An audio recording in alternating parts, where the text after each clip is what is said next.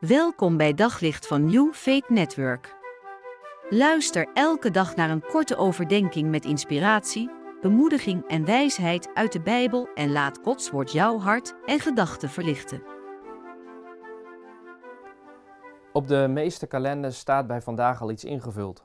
Goede Vrijdag. Waarom eigenlijk? Wat is er zo goed aan deze vrijdag?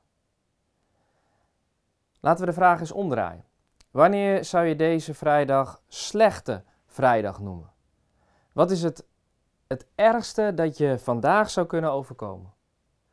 En dan bedoel ik niet dat je een kilo aankomt door het eten van te veel paaseieren. Dat is vervelend, maar er zijn ergere dingen. Wat is zo erg dat je het voortaan deze vrijdag in je geheugen zal zijn gegrift als slechte vrijdag? Als je echt het allerergste hebt bedacht, heb ik nog een vraag. Wat heeft dit aller, allerergste dat je vandaag kan overkomen te maken met, met de kruisiging van Jezus? Matthäus neemt ons op deze Goede Vrijdag mee terug naar de eerste Goede Vrijdag. En hij vertelt ons in hoofdstuk 27 wat er op die dag gebeurd is. En wat er gebeurd is, dat klinkt niet goed. Jezus wordt onschuldig ter dood veroordeeld. Hij wordt bespot en geslagen. Met spijkers in zijn handen en voeten wordt hij aan een houten kruis opgehangen. Dat is vreselijk. Maar het wordt nog erger. Het wordt donker. En dat is niet zomaar donker. Midden op de dag breekt dat zonlicht niet langer door. En daarin wordt alles omgekeerd. Want toen God zich voor het eerst naar deze wereld keerde, toen hij de schepping maakte, was het licht het eerste dat hij schiep. God maakt zijn aanwezigheid zichtbaar door, door het licht te scheppen. En licht, dat is, dat is leven. En nu horen we dat Jezus aan het kruis hangt en dat het midden op de dag donker wordt. Donker. God keert zich af. Duisternis staat in de hele Bijbel symbool voor Gods oordeel. En hoor wat Jezus dan na drie uur roept in deze diepe, diepe duisternis. Eli, Eli, lama sabachthani. Mijn God, mijn God, waarom hebt u mij verlaten? Net vroeg ik wat het allerergste is dat je vandaag kan gebeuren. Weet je nog wat je net bedacht hebt?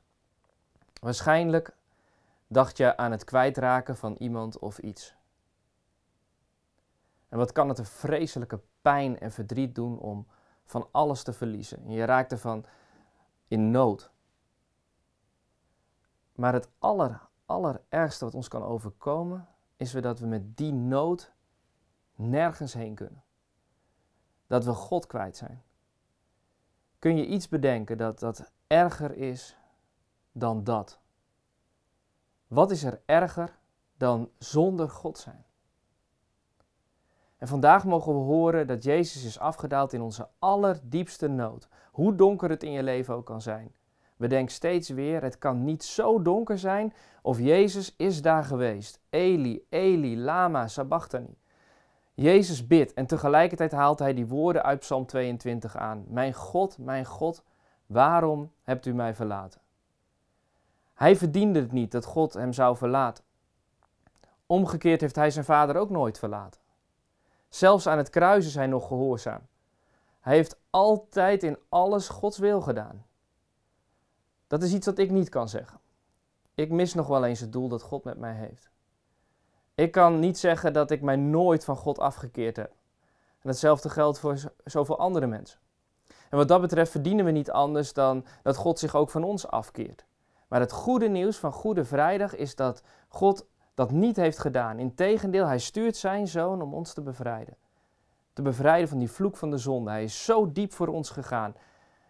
En heeft voor ons de allerdiepste waarom-vraag gesteld. Met als doel dat wij die waarom-vraag nooit meer zouden hoeven stellen. Mijn God, mijn God, waarom hebt u mij verlaten? Hij stuurt zijn zoon om onze plaats in te nemen. En Jezus heeft volbracht wat wij niet kunnen volbrengen. Hij werd verlaten. Ik vergeven. Goede Vrijdag?